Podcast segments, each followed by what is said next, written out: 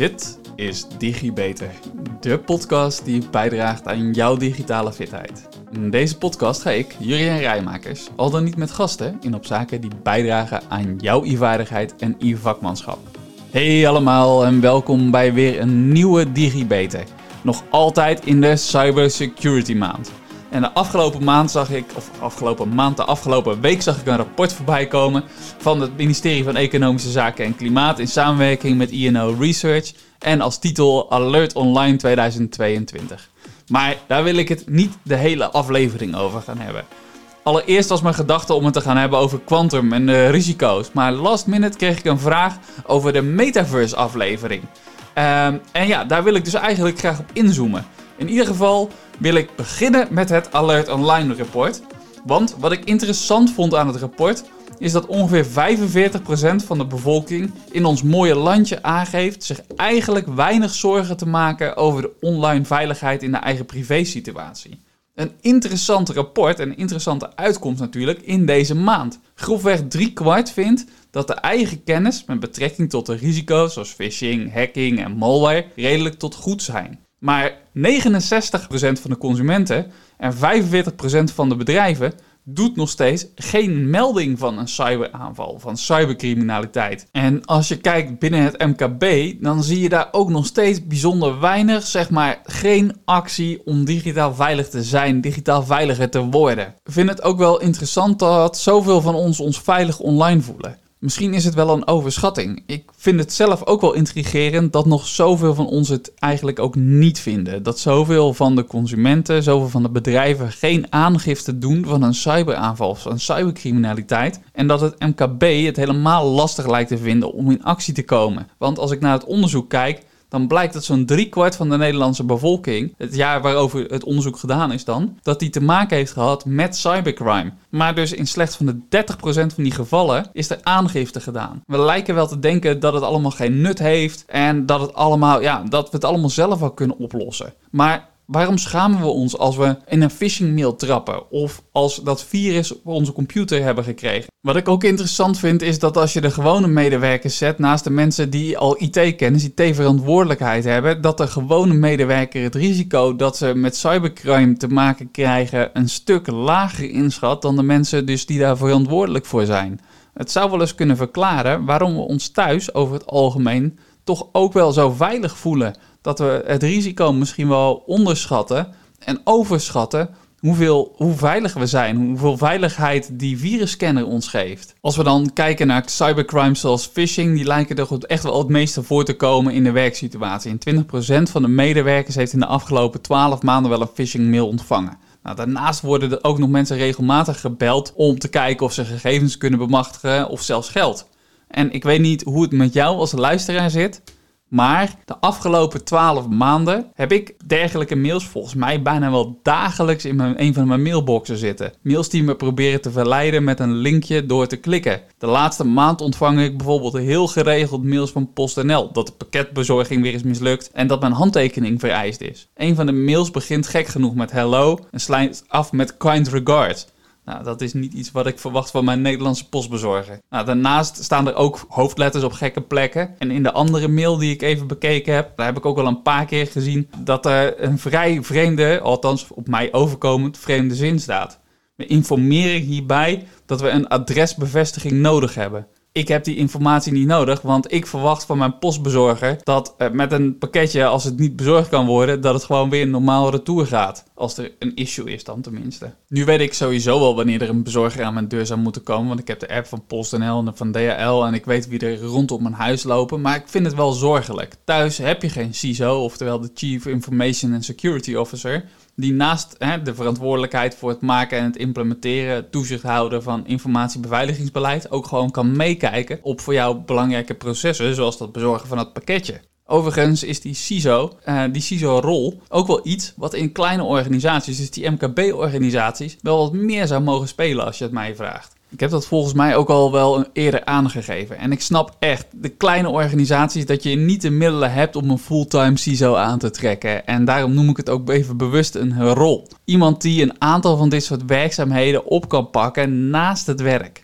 Het minste is namelijk wel dat je weet wat de kritieke processen in je organisatie zijn, op welke faciliteiten in je organisatie, eh, of tegenwoordig sinds corona ook thuis, deze processen dan steunen. En je kan natuurlijk daarop weer gewoon een risicoanalyse op loslaten en uitzoeken waar nou mogelijke kwetsbaarheden zitten.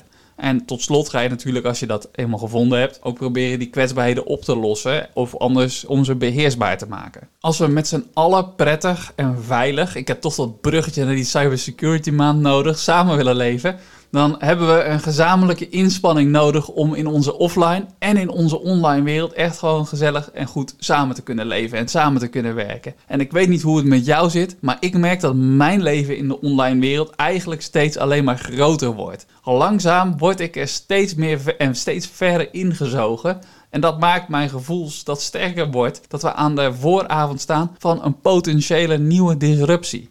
Een verandering van de bestaande businessmodellen, van ons bestaande leven. En dat betekent niet alleen een bedreiging of een kans voor bestaande organisaties, maar voor ons allemaal, voor alle luisteraars thuis en tal van andere kansen die je hierin eh, zou kunnen vinden. En ik heb het dan natuurlijk over de metaverse. En nee, ook hier loopt de CISO dus niet rond als politieagent, zeker in je privésituatie niet, om jou te beschermen.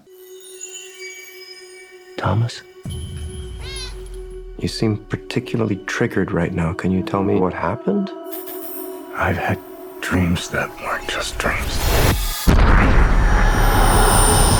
Dit was het eerste stukje uit de trailer van The Matrix Resurrections en een beeld waar ik niet omheen kom als ik aan de versmelting van de werelden denk en de agenten die daar binnen rondlopen. En toch kan ik het niet helpen dat telkens als ik aan die metaverse denk en aan alle mogelijkheden, dat ik toch telkens weer een beetje enthousiaster word. De eerste versie van de Matrix, die toch alweer in 1999 voor het eerst uitkwam, lijkt telkens een beetje dichterbij te komen. En dan bedoel ik niet het enge verhaal van de machines die de wereld overnemen. Dat enge verhaal, door die enge gedachten die je er misschien bij krijgt. Maar een overgang die ons steeds meer en meer meeneemt van de echte wereld naar die digitale wereld en in de digitale OT en IoT-apparaten die we steeds meer in ons leven vinden. De vraag die ik erover kreeg ging hier ook een beetje over, namelijk over de zorgverlening en het metaverse. En ik wil er eigenlijk meteen bij zeggen dat ik in deze podcast daar nu niet volledig en direct op wil ingaan, maar misschien herinner je je nog de podcast over bijvoorbeeld de AI die foto's kan genereren van overledenen. En volgens mij heb ik ook ooit een keer een stukje laten horen waar de stem van die overledene weer gegenereerd was, uh, waar die uh, meneer zeer van onder de indruk was.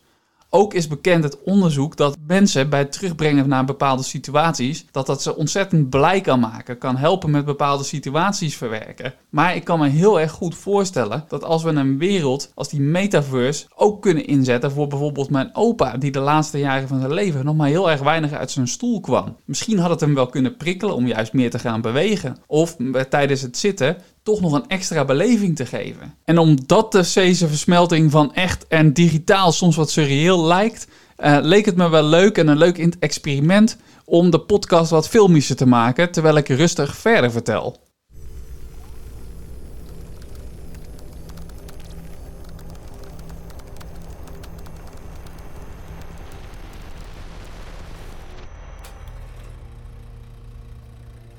Bij de gedachte aan de metaverse gaan de ondernemer en het klantgerichte, of zoals we in de horeca-opleiding altijd zeiden, het gastgerichte in mij gaan kriebelen. Het is een hele nieuwe kans om de ervaringen van je klanten, je gasten te verrijken. Een kans om een nieuw merk op te zetten of bijvoorbeeld je bestaande merk te verstevigen te of beter te vestigen. Maar even een korte recap.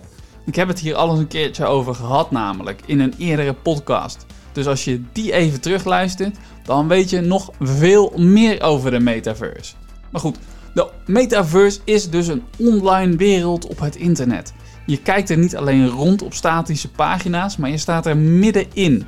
3D-werelden vanaf je telefoon of misschien wel je computer. Maar die, goed, die telefoon is tegenwoordig al zo'n stevig apparaat die worden steeds meer realiteit. Je neemt eigenlijk die digitale wereld kun je zo met je meenemen. Ik zie het voor me als een wereld met virtual reality en augmented reality. Waarbij ik zelf, zoals ik het nu zie, toch wel veel voel voor die augmented reality. De blend tussen de echte wereld en de realiteit. En dan ben ik in plaats van die avatar in die 3D virtuele wereld toch misschien nog een beetje die echte persoon.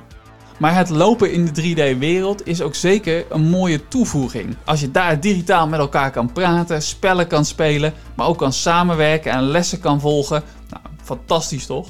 Nou, en dan kan je wel denken, nee joh, blijf nog even ver weg van die wereld. Ja, dat snap ik helemaal.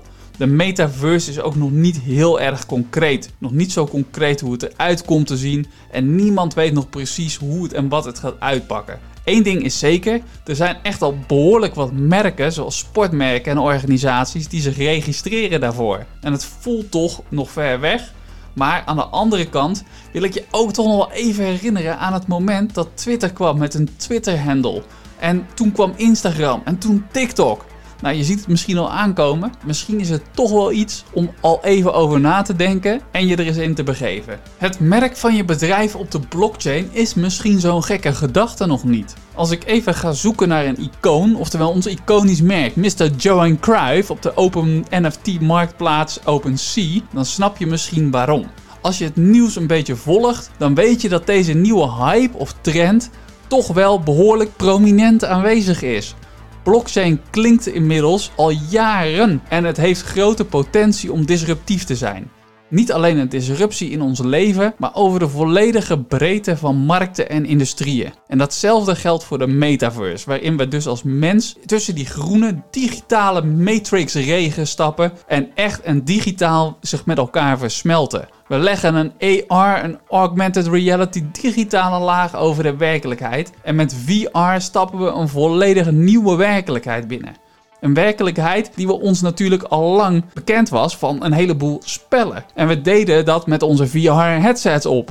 Maar de coronapandemie heeft echter veel meer dan alleen de spelminnende, spelspelende digitale wereld ingezogen. Want iedereen zat er ineens in. We zaten ineens met z'n allen in die stroomversnelling doordat we vanuit huis gingen werken. En de CISO's moesten in één keer plotsklaps gaan kijken naar die kritische processen. Waar die gevaar liepen omdat we vanuit onze privéomgeving digitaal het bedrijf binnenkwamen wandelen.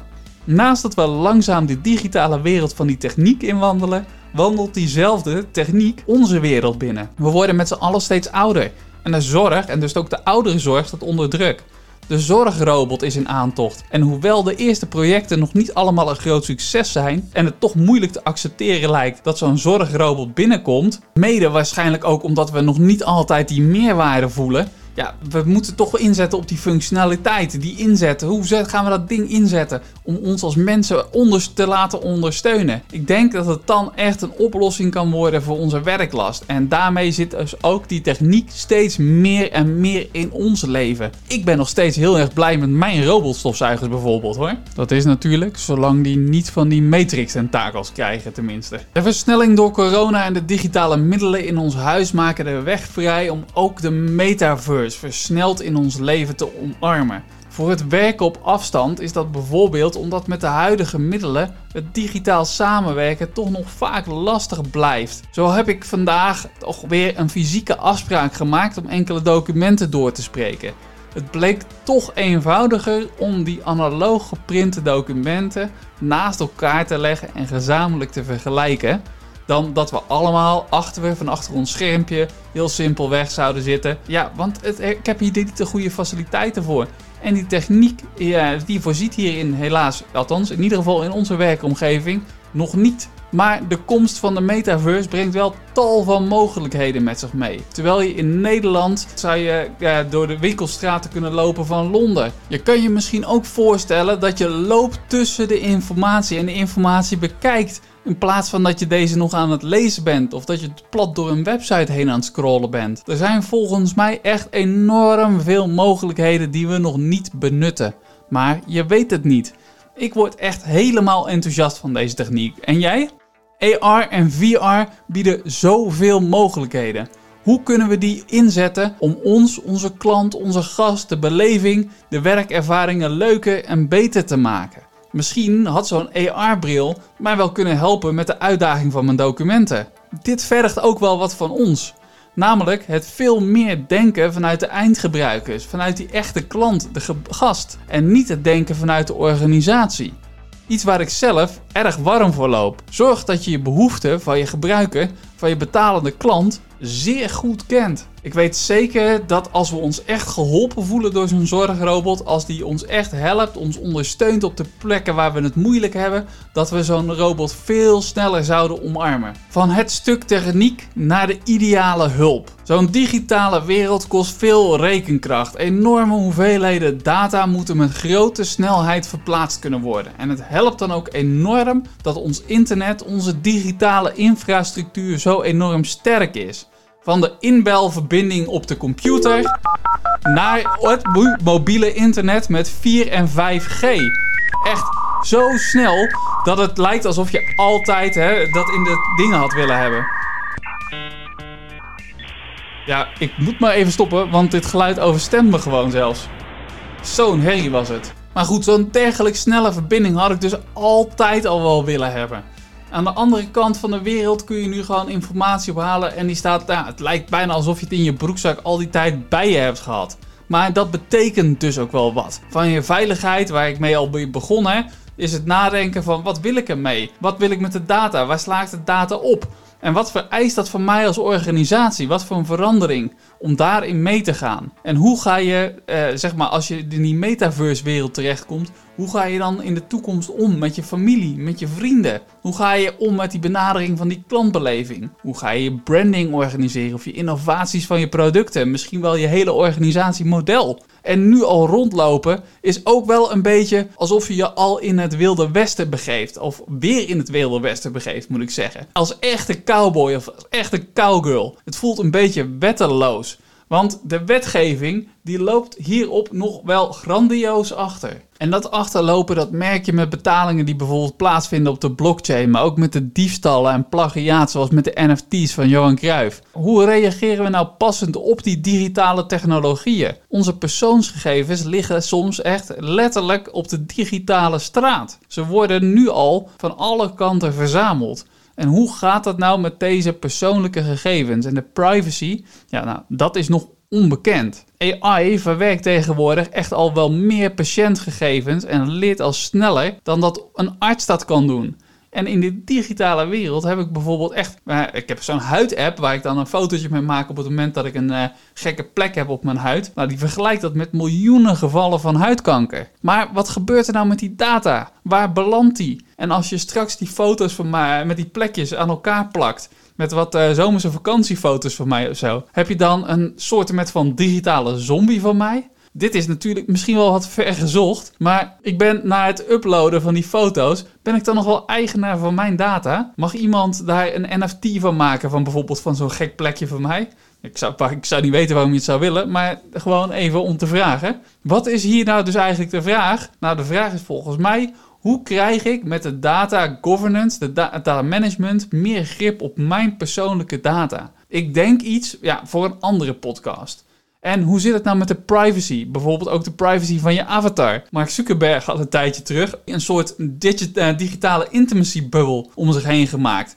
Om je een privéruimte, ja, om je eigen privéruimte, je eigen privéruimte een beetje te bewaren. En is dat dan de oplossing? Als je je dus begeeft in die digitale wereld, is het wel zaak om er rekening mee te houden ja, hoe je daar nou mee om wil gaan. Hè? Van tevoren is te bedenken van, nou oké, ik ga me nou in die metaverse begeven. Hoe werk ik nou mee aan een toekomst waarin er geen misbruik wordt gemaakt van de mensen met wie ik samenwerk, met de mensen met wie ik me daarin bevind, maar ook van jezelf en van de technologische situaties. Een andere interessante vraag is ook wel, Welke vaardigheden, welke talenten zijn er nou nodig in deze nieuwe digitale wereld? Hoe komen we al, hoe komen al deze werelden straks bij elkaar? In onze Nederlandse gezondheidszorg is het koppelen van systemen na het eh, geval van het patiëntendossier in 2011 is echt nog steeds altijd wel een groot probleem.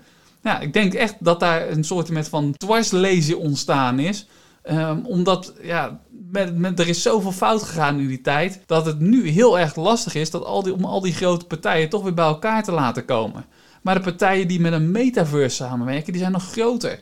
Hoe gaan die dan samenkomen straks? En hoe kan jij met jouw organisatie, zelfs als het lukt, hè, al die grote organisaties bij elkaar, hoe kan jij met jouw organisatie daar ook een graantje van meepikken? De reis naar het metaverse toe is volgens mij ingezet. Ik waan me al in die zwarte matrixwereld tussen die groene letters en cijfers en tekens. En langzaam zullen we landen in die steeds verder verdigitaliserende wereld. De innovatie staat niet stil, maar de implementatie daarvan gaat misschien net iets minder vlekkeloos. Nou, en hoe vlekkeloos die reis is, dat hangt af van hoe goed je je in kunt leven in anderen. Jij als piloot vliegt niet tijdens die vakantie de vlucht. Je vliegt niet het vliegtuig van A naar B, maar de mensen in het vliegtuig.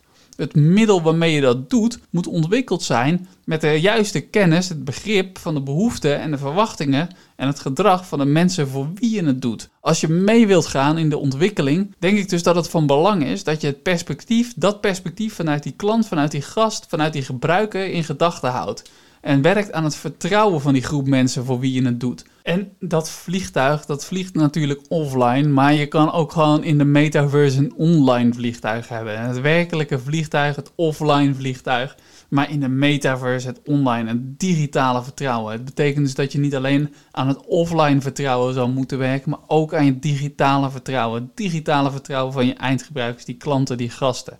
En tot slot in het maand van het veiligheid wil ik natuurlijk ook het veilige en het ethische, dat ook vertrouwen geeft natuurlijk, niet zomaar overslaan. Die digitale veiligheid en die veiligheid in zijn algemeenheid is natuurlijk fantastisch en heel belangrijk. Uh, maar je moet ook vooral op het moment dat je je in deze digitale wereld begeeft en die digitale beleving wil, groot wil maken, dan moet je ook rekening houden met de mens. Hoe gezond is het dat wij door de techniek tegenwoordig onze kantoorbanen de hele dag op een stoel zitten en op die manier ons werk doorbrengen. Ik werk graag aan die naadloze klantervaring, maar helemaal graag in combinatie met een veilige en innovatieve technieken. Maar het is ook belangrijk dat daarbij de mens niet dus uit het oog verloren wordt. Het moet geen verslaving worden zoals die online gokverslavingen, maar een beleving waar je plezier van ondervindt zonder de nadelen. De digitalisering vraagt om een andere manier van werken. Een manier die we nog niet altijd weten. En we weten ook niet altijd even goed hoe we die manieren die er aankomen en die er al zijn, hoe we die moeten introduceren. Het stapelt zich vaak het een bovenop het ander. In plaats van dat het voelt alsof het dat het je helpt, geeft het in één keer een hele grote last. Neem bijvoorbeeld het videobellen. Het lijkt alsof het ons heel erg geholpen heeft. Al die consults, al die videobelopdrachten, eh, het digitale vergaderen. Maar ondertussen hebben we vergadering aan vergadering geplakt. We hebben geen ruimte meer om adem te halen, om een glaasje water te halen of soms om te lunchen. In het digitale Wilde Westen is het daarom ook goed om regelmatig achterom te kijken. Kijk eens achterom naar al het stof dat achter dat paard opwaait. Ja, het digitaal vergaderen dat brengt heel erg veel. Iedereen kan in één keer aanwezig zijn. Of althans, heel vaak kunnen mensen ook gewoon aanwezig zijn. Ook als je een beetje een koudje hebt of een beetje eh, moet snotteren en toch liever thuis zit dan eh, zie je dat door deze manier, deze ontwikkelingen, dat mensen toch vaker even toch aanwezig kunnen zijn bij een belangrijk overleg. Maar je moet ook wel de gezondheid van de mensen aan de andere kant in de gaten houden. Dus hè, het feit dat je iedere vergadering achter elkaar vastplakt en geen tijd hebt om rust te krijgen, je hoofd geen rust kan geven, ja, dat kan ook wel nadelige effecten hebben. En als je dus niet achterom kijkt naar het stof dat opwaait en niet even aan kan passen, dat even aanpassen niet zomaar meer bestaat. Ja, een opstootje in die saloon, als je niet oppast en vervolgens buiten komt, dan vliegen die digitale kogels en die digitale pijlen vliegen je zo om de oren. Dus laten we samen opgaan naar de ideale beleving waarin we ons cyber veilig kunnen bewegen en op naar de volgende podcast. En in de volgende podcast, daar wil ik een aanloop nemen naar de volgende maand alweer, de innovatiemaand in november. Ik wil ingaan op computational thinking. En waarom? Ja, het helpt je met innoveren. Het helpt je om je beter in te gaan leven in deze digitale wereld, in deze digitale ontwikkelingen. Onder andere dus misschien ook wel in de metaverse. Uh, voor deze podcast vandaag wil ik in ieder geval ook nog graag even de credits geven aan Carl Casey van White Bad Audio voor het mogen gebruiken van zijn Cyberpunk soundtrack. Uh, dank voor het luisteren voor deze podcast. Tot de volgende keer tot de volgende DigiBeter. Vond je dit nu een leuke uitzending en wil je meer weten? Abonneer je dan op de podcast door op volgen te klikken. Het duimpje omhoog en geef een beoordeling van bijvoorbeeld 5 sterren, zodat nog meer mensen deze podcast kunnen vinden. Wil je collega's, vrienden, familie, zoals je opa of oma, net zoveel plezier doen en ze digitaal fitter krijgen? Deel dan de podcast. En zo worden we samen allemaal digitaal. Heb je een vraag over wat er verteld is in de podcast? Een bepaald onderwerp dat je graag terug zou willen horen? Of wil je gewoon laten weten dat je erg van de podcast genoten hebt? Je kan mij feedback geven en vragen stellen via LinkedIn. Zoek dan even naar Juriaan Rijmakers. Hoe dan ook, na deze podcast ben je weer een beetje digifitter. Tot de volgende keer, tot de volgende DigiBeter.